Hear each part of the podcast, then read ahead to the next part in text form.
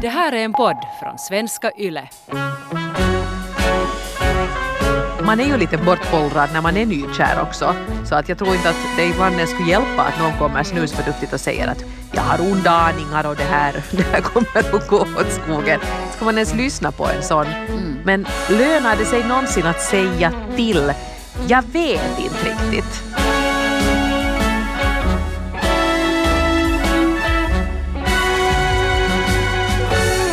Relationspodden Norrena och Frans med Hanna Norrena och Eva Frans är det som du lyssnar på. Och eh, idag så är vår dynamiska duo lite sådär utspridd faktiskt eftersom Eva, du är sjuk och därför eh, är hemma precis som man ska vara. Men eh, det är faktiskt inte the big C som du har drabbats av. Uh, nej, det är inte den bobban som har drabbat mig. Jag tror att det här är en alldeles vanlig dagisflunsa som tog mig. Så att jag, jag håller mig hemma för man ska inte gå omkring någonstans med, med droppande näsa. Och det, det tycker jag, den lärdomen skulle vi kunna ta oss. Att det ska vi inte göra i framtiden heller. Inte sen när vi är vaccinerade mot allting. Så jag tycker det är helt bra att man faktiskt inte smittar ner sina kollegor med den här heller. Nej. Men alltså jag mår alldeles utmärkt. Men jag är lite, jag är lite flunsig som kanske hörs också. Ja, men du, men du sitter alltså i ditt klädskåp för att det inte ska eka. Kan du beskriva Ja. lite vad, vad din miljö är? Oj, här är så mysigt. Jag ska ta, ta en bild av min vy här och sätta på Facebookgruppen, relationspodden Norrena och Frans tror jag. Jag sitter här. Jag tänkte att det liksom ekar minst här och en sån här bra akustisk miljö och sitta här bland alla mina loppisfynd. Men det är ganska mysigt. Jag, jag borde sitta här oftare. Kanske det ja. Uh, Norrena och Frans som sagt eh, ska idag avhandla ännu ett tema och idag så ska vi faktiskt prata om uh, huruvida man får lägga sig i andras kärleksliv eller inte. För det kan ju hända att man blir, är lite sugen. Om vi säger nu då att brorsan drar hem ännu en eh, passiv aggressiv bitch till eh, julmiddagen och man är sådär hoheja att var är snapsen att det här, den här tjejen skulle jag inte heller orka med. Eller ska vi säga att du har en kompis som alltid faller för de där hjärtekrossarna. Får man ha någon åsikt om ens eh, vänners eller släktingars kärleksliv? Vad säger du Eva sådär inledningsvis? No, åsikter får man ju förstås ha. Det är liksom svårt att, att komma åt den saken. Men där är ju sen den stora frågan att ska man nu delge de här åsikterna till den här som är så jätteförtjust och verkligen är ivrig och nykär och, och man är ju lite bort, bortkollrad när man är nykär också. Så att jag tror inte att det ibland ens skulle hjälpa att någon kommer snusförnuftigt och säger att hör du det här, jag har onda aningar och det här, det här kommer att gå åt skogen. Ska man ens lyssna på en sån? Men lönar det sig någonsin att säga till? Jag vet inte riktigt. Eh, Men jag tror att vi kanske borde vara lite noggranna här med att det finns ju, liksom, det här är ju också ett brett spektrum. Ja. Om man på riktigt blir orolig för, för sin vän och tror att den här, eller, eller sin släkting eller vem det nu sen är, och tror att den här blir kanske psykiskt eller fysiskt misshandlad eller det här är en person som är kriminell eller allmänt ond eller någonting då tycker jag nog att man ska ha lägre tröskel att åtminstone säga till att, att jag, jag tycker inte att det här verkar riktigt bra nu, att är du säker på det här? Men om det nu bara är för att man tycker att usch vilken bitch brorsan har hittat, så då kanske man nu inte nödvändigtvis behöver säga det med en gång. Nej. Eller, eller jag tänker just det här att om du har, din kompis har träffat en ny och så tycker att usch vad han har alltid så fula byxor. Liksom Nå, sådana lös, lösryckta åsikter bara. Ja, för Ja. det är ju inte du som ska vara ihop med den här personen. Om kompisen tycker att han är härlig fast han har lite egendomlig klädsmak så det, det kan ju bli hur bra som helst. Ja. Men det är ju nog så här att de flesta av oss har ju ändå en typ som vi faller för. Det har vi talat om i ett tidigare avsnitt också. Att, att man, det finns den här vissa typen som man ofta faller för. Och, och då jag minns, kan dra mig till minnes det avsnittet som vi gjorde då så var det, det ganska många av er, skulle jag våga dra till med 90 procent som tyckte att jo visst jag har en typ. Men det betyder inte att jag sen eh, valde en representant från just det släktet att sen stadga mig med. Så att, Nej, precis. Och där kan det ju också vara, det, det här med att ha en typ kan ju bli ödesdigert i det här för man kan ju ha en, en dålig typ. Alltså att man faktiskt alltid faller för slashasarna eller de här, som, de här projekten som lite måste räddas. Det där tror jag att det är vanligare att, att kvinnor gör. Att man tar en sån där att "Nå, han är nu lite så här strulig men att nu kommer han nog att liksom förändras när han är tillsammans med mig för det är så rätt. Och så har man en del bekanta som gör det där på gång och på gång och på gång och de där projekten misslyckas ju alltid. Eh, Men den här personen själv kanske inte riktigt ser det. ja. Ja, eller så ser man det, men man kan bara inte hejda sig själv. Jag brukar inte kanske lägga mig i så mycket mina vänners uh, äh, kärleksliv. Nu får du ju rätta mig Eva om du, om du vad heter det, vill göra, säga objection, your honor. Men uh, däremot så skulle jag nog kunna bitch-släppa mig själv några gånger. Att, att jag har märkt att jag har själv varit i sådana situationer där jag märker att, att jag kanske borde uh, få en liten örfil av mig själv. Att nu får du nu sluta med det där. Det där funkar bara inte. Och då har nog ja. mina vänner sagt till också. Och man vill ju inte riktigt höra det. Vet du, för du är jätteförtjust i någon. Och, och fast du vet att det är som att banka huvudet mot en vägg så, så envisas du ändå med att göra det. Och, och där är det ju bra förstås att de har sagt för, som en vänlig påminnelse att no, lite som Dr. Phil, vår gamla goda vän, how's that working for you? Ja, och det är ju fint för jag menar det är ju om man säger, om man som kompis ingriper och faktiskt till hundra procent menar väl och framförallt bryr sig om den här vännen och vännens välbefinnande. Inte ska komma dit och liksom och, och vara lite sådär, vet du, stroppig. Att äh, att det här kommer inte att bli till någonting, att hur ser du nu inte det här? Utan faktiskt liksom kan framföra det på, på rätt sätt, också tajmar det rätt. Man kan inte komma ångande med sådana förmaningar när den andra är helt nyförälskad och, och helt kollrig. Det är ingen idé med det. Nej. Men jag menar, vi har ett ganska bra exempel här från signaturen Vännen som biter ihop 28 år som har onda aningar men mm, skriver så här. Jag håller tyst fast jag har onda aningar om min kompis som prasslar med en upptagen man. Jag skulle vilja lägga mig i när hon nu dejtar honom som är i ett samboförhållande för jag tycker att det här är fel och jag tror att hon kommer att gå sårad ur situationen. Men jag biter ihop och tänker att det här är inte min sak det där är nog svårt, för där kommer liksom ens egna moraliska principer in i bilden också. Att, mm. den här vännen då som biter ihop så, så tycker att det är fel att dejta någon som är upptagen. Och, och, vi tycker ju alla kanske lite olika om det här. Vissa tycker att det är fel. Jag, nej, jag säger så här. Jag tror att vi alla kategoriskt tycker att det är fel. Men sen då vi befinner oss i den där situationen så då kan det hända att man mitt i allt börjar lite sådär töja på sina moraliska principer. Jo, jo, jo, jo. Det, man får, det är ju alltid de där samma ursäkterna att jo, jo, att det absolut, jag vill ju vara med dig givetvis men, men jag har nog inte kunnat säga det till henne och oj, det har inte kommit rätt tillfälle och bladi, bladi, bla. Och det ja. här är ju den äldsta, äldsta konflikten i kärlekshistorien det här. Men som du säger, man har skygglappar på om man själv är där. För man tycker att men det vi har nu, jag och den här upptagna mannen, det är så speciellt. Ja, och, och det här sambo... är nog undantaget som bekräftar regeln och det kommer att bli vi två, för det är meningen. Ja, för vi är liksom århundradets kärlekssaga och hans sambo förstår inte honom och jag förstår honom mycket bättre och de ska skilja oss men de måste först hitta några lägenheter och vad ska de göra med katten och vet du den här svängen. Och jag tror att det är bra att man ändå kanske kan uh, lyfta ett litet varningens finger åt sin mm. kompis i en sån här situation. Att, att, uh, att du inte liksom blir den som sen uh, inte har någonting i handen då det hela är över. För han har ju sin sambo, han har ju egentligen det bästa av två världar. Jo, jo, jo, han är ju som en prins i en bagarbod. Han har ju liksom allt vad han behöver och, och så länge ingen säger någonting så funkar det ju kanske för honom att ha de där två. Om han är helt samvetslös, det vet man ju inte. Men jag funderar, det var i något helt annat sammanhang som vi kom fram till att en ganska bra lösning på en sån här grej om man själv är i den där situationen eh, eller som man skulle kanske kunna råda en kompis om är att men hej, sätt en deadline åt honom. Mm. Att nu har du liksom en månad på dig att tala om för din sambo att du inte vill vara med henne mer, du vill vara med mig istället. Sen chappar jag om du inte har gjort det. Att till exempel föreslå det åt en kompis. För att inte det är ju bra att vara ihop med någon som är ihop med någon annan och det förstår ju nog den här vännen också men jag tror nog ändå att att skulle jag vara den här kompisen så skulle jag nog kanske lite försiktigt föra det här på tal. Att har du liksom tänkt igenom det här nu. Vad säger han? Tror du på honom? Och hur länge tänker du vänta? Jag tror det där med en deadline är ju jättebra. Att det finns liksom en tidsbegränsning på hur länge du kan finna dig i att vara då den andra kvinnan i den här situationen. Mm. Heps koko har man varit det sen i 40 år och det är ju inte så bra. Nej, man vill ju inte vara... Nej, jag tänkte säga, man vill inte vara Camilla Parker Bowles men det gick ju bra för hon fick ju faktiskt sen då prinsen och och halva, och halva kungariket. Ja, men hon hamnade och väntade ganska länge och hamnade också att titta på honom gifta sig med prinsessan Diana och hur kul var nu det ja. sen? Ja. Jag tror att någon har tittat på The Crown, an, an, anar jag här. Ja. möjligtvis, möjligtvis. Det är rätt många som har gjort det. Ja. Mm.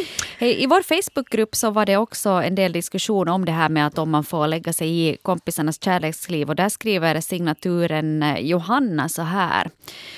Man ska lägga sig i om väninnan envisas med att strula med bad boys. Framförallt om hon gör sig illa hela tiden.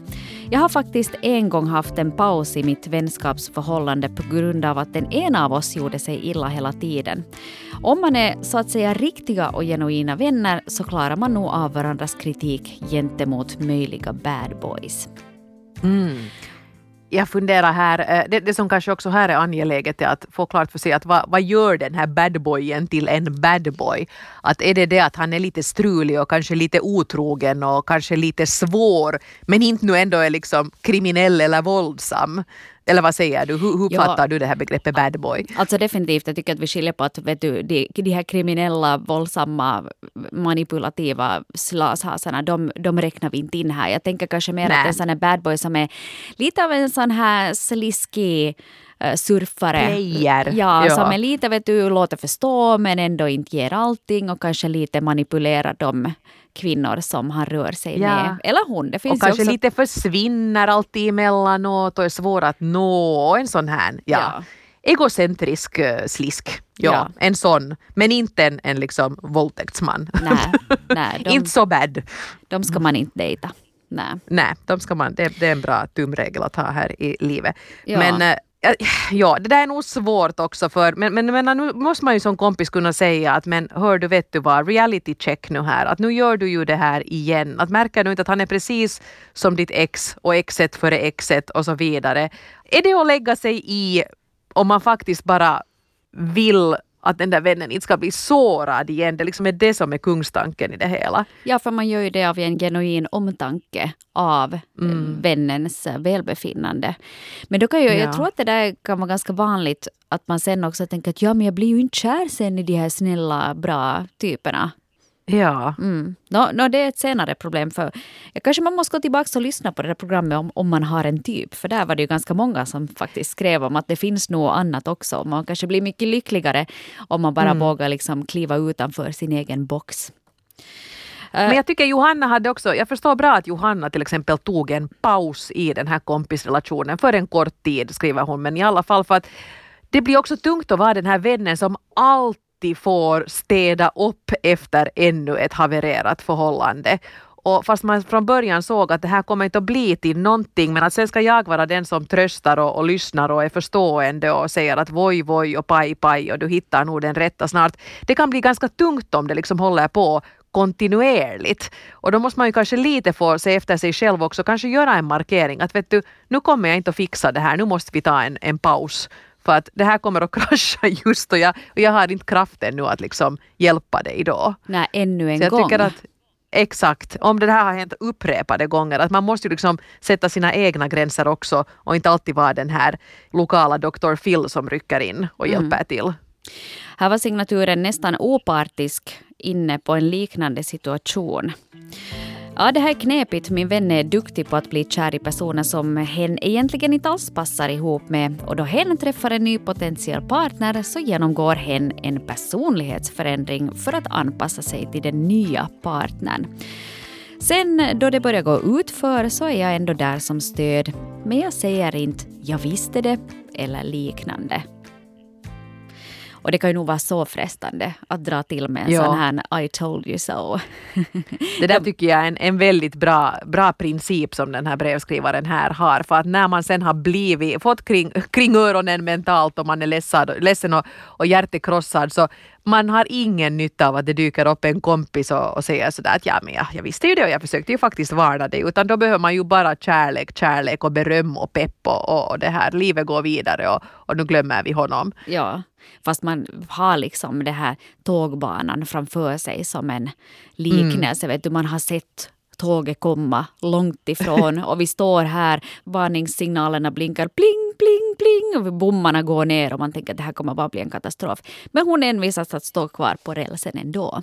Man, man kanske inte behöver dra ja. till med den. Nej, det, det är kanske lite onödigt dramatiskt med den tågrälsen. Överhuvudtaget ju att jag sa ju det där är ju kanske nog en replik som sällan man gör någon stor nytta av. För att det man säger det till vet ofta att ja, du sa ju det där. Ja. Så det att man ännu kommer in och liksom riktar uppmärksamheten mot sig själv i den här situationen när det inte ens är synd om en. Så det, det är ganska onödigt. Så bra Ja. princip där. Ja, för den där kompisen börjar ju skämmas ännu mera för sitt beteende. För nu vet man ju ofta att man kanske har mockat. Och, och då behöver man ju inte få liksom den tårtan kastad i ansiktet ännu en gång. Precis så är det ju. Men här har signaturen Orolig vän 22 också en, en, lite, en lite kvistig situation som vi kanske skulle kunna diskutera lite grann. För att det här tror jag har hänt lite nu som då. Jag har också ett minne av att vi fick lite liknande brev när vi hade ett, gjorde ett avsnitt om svartsjuka. Men så här står det här då. Jag som en 22-årig kvinna har en problematisk situation på gång. Min nära kompis, som också är en kvinna, som jag brukar träffa väldigt ofta, blev ihop med en kille i maj och de flyttade ihop i killens lägenhet nästan direkt. Sen dess, alltså maj, har jag träffat vännen två gånger. Den ena gången var på en fest där paret båda var med. Hon tar numera aldrig kontakt själv och ger konstiga orsaker som att jag håller på och renoverar hemma. Hon till och med ljuger för att undvika att träffa mig och det här gäller också hennes andra vänner. Hon har inte så många. Den där gången vi träffades bara vi två avslöjar hon att pojkvännen är väldigt svartsjuk och reagerar på problem på ett omoget sätt. Vad fan är det som är på gång? Borde jag oroa mig? Varför vill hon inte träffa mig? Undrar orolig vän 22. Ja, no, no här är kanske två olika scenarion som jag tänker det. Att, att ah, hon är så kär i sin nya pojkvän att hon helt enkelt inte har tid för att träffa kompisar. Det här händer ganska ofta. Man, den där nya kärleken tar liksom över hela ens liv och man mer eller mindre glömmer bort sina kompisar och sitt övriga umgänge. Mycket dålig idé. För att du vill ju kanske Det är väldigt de där... dumt men jag tror att de flest, flesta lite grann har varit i den situationen i något skede. Man vill bara vara med den där kärleken och, och, och, ja, och, och det är ganska enfaldigt men de flesta brukar ju nu ändå, jag menar nu är det nästan ett halvt år sedan, i något skede kravlar man sig kanske fram och inser att, att ja, att kanske det ändå skulle vara helt kul att prata med någon annan emellanåt. Ja. För man, som vän, alltså jag har själv varit med om det där att man lite har blivit ghostad av sin kompis då, då den personen har hittat en ny kärlek. Och man känner sig ganska ensam för att då man själv sitter där och inte har någon ny kärlek att roa sig med så kan man ju känna sig ganska övergiven också som kompis. Så det där är ju verkligen ingen schysst grej att göra. Men om vi tittar specifikt på vad den här oroliga vännen har skrivit då så det verkar ju nog som att den här nya pojkvännen då eh, antagligen ger lite orsaker också till varför de inte kan träffas så mycket mera. Och det tycker jag nog är en ganska stark varningssignal på något sätt. Att han verkar Jo, lite kontrollerande att- och sådär.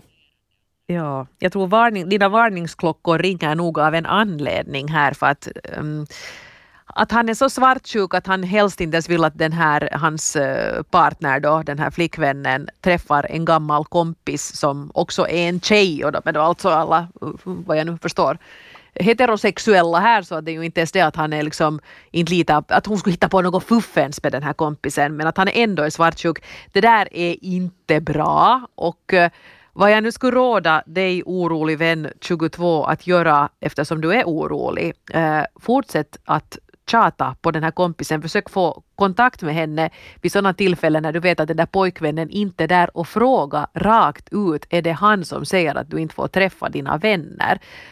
Jag skulle, slä- släpp inte det här för det, det kan ju vara så att du har helt rätt och att hon faktiskt är i en ganska obehaglig situation den här kompisen och kommer att behöva dig och de här andra vännerna så småningom på nytt. Men eh, se, se till att du finns där, till och med fast du skulle ha fel och det inte alls är så, du har missförstått och han inte alls är manipulerande och ingenting. Så ta den där risken att hon fa- fast blir lite sur på dig då. Mm. Eh, om ni inte ändå inte har kontakt nu så har du ingenting att förlora på det. Försök närma dig henne på nytt skulle jag säga. Det ska åtminstone jag försöka göra. Ja, jag håller helt med dig där. För, för det är någonting nog som, som inte verkar vara riktigt, riktigt rätt där ändå. Den filisen får ju Och sen kan man ju också bredvid. säga som kompis att jag behöver dig, att du är min vän och, och jag behöver dig i mitt liv. Att liksom, kiva att du är så kär och du är där i din kärleksbubbla men du, måste, du måste ha lite tid för mig också. Jag tycker man kan ju lite liksom ja. spela ut det kortet också. Att jag saknar dig, du behövs, vart tog du vägen? Säga det rakt ut. Ja, jättebra. Vi skulle kunna ta och, och, prata lite om eh, det här med att eh, säga till om ens familjemedlem inte lyckas sådär jättebra på kärleksfronten. Här har vi signaturen Du måste finnas 19 som har skrivit in så här. Jag var 14 år när jag sa åt mamma att hon skulle skiljas från min pappa. Det var en giftig relation och ingen av oss jag och mamma mådde bra i den familjen så det bästa var att säga att nu söker du äktenskapsskillnad. Jag vet inte hur många ja. 14-åringar som kan ordet äktenskapsskillnad men, men fint, fint uttryckt var det i alla fall och, säkert så förstod mamma precis att okej okay, nu börjar den här 14-åringen verkligen ha fått nog. Ja, det är ju nog en väldigt klar signal om ofta hänger ju folk ihop till och med kanske helt för länge för att de tänker att vi måste vara tillsammans för barnens skull men att då barnet är det som säger att nej men nu räcker det, det här blir inte någonting, säger inte ni det själva. Mm. Så det måste ju nog vara en ganska, ganska med all önskvärd tydlighet framgår det då vad, man, vad man anser jättemodigt att våga säga det där som 14-åring. Ja, att liksom ha, vara så alert att man ser att det här är det som, som ni måste göra nu hörni. Ja, och, och jag tänker att, att om ett barn säger det där så har barnet antagligen ganska mycket orsak till att göra det också. Att man också tar det där barnet på allvar. Man kan lätt Precis. tänka att Nå, det här är en 14-årig tonåring som kastar ur sig en det ena en det andra. Men om man vet att det här, okay, det här funkar inte och mitt barn mår inte bra i den här situationen så tycker jag också att man är skyldig sitt barn det. Att man på något vis ja. lyfter ut eh, sig själv och mm. det där barnet ur den där relationen som verkar då vara giftig enligt, enligt den här brevskrivaren. Och det måste jag också säga här att i ett sånt här upplägg så är ju det här barnet inte ens någon som kan räknas som utomstående utan det är ju liksom en, en dysfunktionell familj då. Då är det här, de är ju egentligen liksom Jo, det är mamman och pappan som är paret, men eftersom det där barnet då lever där med dem så är det ju inte så som att man lägger näsan i blöt om man säger till. Men jag börjar fundera lite också på det här med att eh, Ja, det här med liksom faktiskt att man eventuellt får nya familjemedlemmar och du nämnde då det här med att man kanske har en, ett syskon som hämtar hem då en potentiell ny svåger eller svägerska som man inte alls synkar med. Men sen också det här med Uh, no, no, inte vet jag du Hanna om du har tänkt så långt, för vi har inte så gamla barn ännu, men i något skede kommer de ju att släpa hem pojk och flickvänner. Och vad gör man då om man inte gillar de där alltså? Ser framför sig en evighet av jobbiga julaftnar tillsammans med den här konstiga individen som mitt barn nu har gått och blivit jätteförälskat i. Oh. Jag, jag, jag, tänker hålla dem instängda tills de är 30 och sen gifter jag bort dem med någon lämplig person som jag har valt. Nej, ja. nej vad heter det? Din dotter låter håret växa väldigt långt och har en sån här fläta som hon hänger ut där över balkongräcket i Esboviken. Jag bor ju på femte våningen så hon får, nog, hon får nog börja låta det växa Det är nu. nog till att odla nu. Ja, ja. Mm. Det är lite svårt det där. Alltså jag tänker som förälder att om du har då ett barn, ska vi säga någon gång där i tonåren, sena tonåren så börjar då barnet sällskapa med någon. Och jag tror att de flesta föräldrar reagerar med en sån här instinktiv beskyddar kraft. Och att ja. man eh, verkligen inte vill att det ska vara någon som gör ens barn illa. Samtidigt så måste man kanske också låta eh, det här barnet få pröva runt lite, för det är en del av livet det också, att vi ska, vi ska träffa människor som vi gillar och gilla, träffa människor som vi gillar lite mer och kanske lära oss lite mer om att vad är det vi verkligen behöver och vad, vilken typ av person mår man bra av.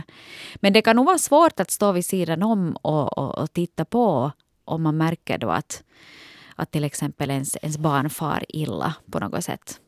No, det är ju klart det. Man måste ju få uttrycka sin oro om man faktiskt börjar vara orolig. Men jag tycker faktiskt här, det här var ju inte ett liknande scenario, men jag tyckte att Linda, 20 år, här hade en ganska bra poäng här. Hon berättade om en kompis som blev väldigt snabbt ihop med en kille och skriver att jag är rädd att de har gjort förhastade beslut och att de kommer att göra slut när de inser det här. Men hon verkar glad, så jag tror inte att det är någon vits att berätta för henne vad jag tycker. Och hon skulle ändå inte lyssna eftersom hon är så förtjust i honom. Så om jag sa någonting skulle det antagligen påverka vår vänskap negativt. Och dessutom tror jag att det här är någonting som hon måste få uppleva och lära sig av på egen hand. Det enda jag kan göra är att stötta henne sen om det går dåligt skrev alltså Linda. Och jag tänker att det här är just, nu kommer här en riktigt sliten kliché, man måste kyssa många grodor innan man hittar den där prinsen. Och där kanske man också måste som förälder tänka att nåja, att nu, nu ut i världen och försöka hitta den rätta, det kommer att gå åt skogen. Och då kommer du hit och så kokar vi spaghetti bolognese och, och jag pajar och tröstar och, och det blir nog bra. Att kanske inte tycka så mycket om de här olika potentiella svärsönerna då utan kanske mera gå in för den där strategin att nu förklar, försöker jag peppa det här mitt barn då, jag säger nu dotter för det är de som är, det, det är ett tag innan det här blir aktuellt med Oscar tror jag eftersom han är två. Mm. Döttrarna har inom en snarare framtid. Pusha henne att jag hoppas nu att, att du har fått det med dig att, att du tar ingen skit och du går inte med på att bli dåligt behandlad och ingen får misshandla dig på vare sig det ena eller det andra sättet och du liksom stär, stärka henne och hennes självförtroende snarare än att komma med en massa synpunkter om sådana som hon har blivit kär i. Mm. Det där är jättebra taktik för jag tror inte heller att någon tycker jättemycket om att folk har åsikter om ens partner. Nej, nej precis. Det är lite sådär du, att man, att man fyller på reserverna först. Så att eh, det här ja. barnet i sig är sen utrustat för att hantera eh, de besvikelser som ändå i något skede kommer emot. Uh, du sa det där Eva om, om döttrar, att, vi, att man har döttrar och jag har ju både en flicka och en pojke. Jag såg på, var det nu på Instagram någonstans som jag tyckte det var ganska bra sagt att uh, jag som en förälder till en pojke ska göra allt jag kan för att din dotter ska vara trygg med honom längre fram. Just det. Och jag tyckte mm. det var ganska fint sagt det där. Okej, det kan ju vara lika bra att man kan vara trygg med en annan pojke också förstås. Men, men att man ska uppfostra sina barn också till att behandla Eh, sina framtida partners på ett fint sätt. Det är bra. Ja, vi ska inte nära några bad boys vid våra barmar. Nej, så jag får en sån här jul, biblisk riktigt, bild här. Ja. Juletider. Med glorior käckt på svaj. Mm, mm. ja. Vi skulle ännu kunna ta ett eh, avslutande brev som har kommit in från Annie, 41 som jag tycker eh, summerar det här ganska bra. Hon skriver så här. Helst ska du inte lägga dig i alls, för du är ingen spågumma. Och den på ytan mest perfekta partnern kan visa sig vara våldsam och opålitlig medan slusken kan vara en perfekt match. Låt bli att förfasa dig över saker i stil med “men alltså, han är ju elektriker, inte kan du ju dejta en sån, du som studerar på universitet”. Däremot, om du vet att han är våldsam, spelberoende, pedofil eller någonting annat, då ska du ju absolut säga till om det. Men han kan ju vara en härlig typ fast han har ölmage och mustasch och du tycker att det är jäkligt fult. Så skriver Annie, Precis. 41. Jag tycker det här ja. var, var, det summerade ganska bra. Det är mycket bra. Just det där, jag ändå har haft mycket vänner i mina dagar som har blivit ihop med folk och jag tycker ju ofta att man kanske har en lite förutfattad mening just när man känner en kompis och vet hurdan dens typ är och sen mitt i allt så blir den riktigt kär och kanske till och med förlovar och gifter sig med någon som inte alls är dens typ och man ser att, att nu hade vi ju alla helt fel. Det är ju det här som funkar. Men ibland kan man ju vid första anblicken när en kompis presenterar, här är han, och man är så att Oho! Mm. det där hade jag inte väntat mig. Till exempel om hon nu då är fyrdubbel filosofie doktor och så kommer hon med den här elektrikern. Mm. Men han är kanske precis vad hon behöver och de är kanske som ler och långhalm på plan som jag som utomstående inte kan begripa alls. Ja. Så det är helt sant, spågumma är man inte och man, man ser aldrig hela sanningen. Också bra poäng som Annie hade där, att de här jätteperfekta partnersarna kan ju nog vara de som har riktigt mörka sidor som vi inte ser för han är ju så snygg och han är så framgångsrik och, och hon får så dyra presenter av honom och så vet man inte alls hela sanningen. Så nej, inte lägga sig i på sådana, gällande sådana ytliga grejer åtminstone. Mm. Ett stort tack till er som har skrivit in ännu en gång. Gå in och eh, joina oss på vår Facebookgrupp Relationspodden Norrena och Frans. Där kan vi diskutera vidare tillsammans. Och eh, vi börjar väl ta och packa ihop för idag nu då du får Eva kravla dig upp ur din skrubb där hemma i Esbo skogarna. där du har suttit den här stunden som vi fick dela tillsammans. Det. det är ganska mysigt här. Du kommer undan familjen, du får sitta helt i fred där och, och snora. Mm. Jo, jo, här ska jag bygga bo för gott. och krya på dig Eva och eh, sköt om er alla ni andra också. Så hörs vi igen om en vecka, förhoppningsvis friska och krya. Hej då!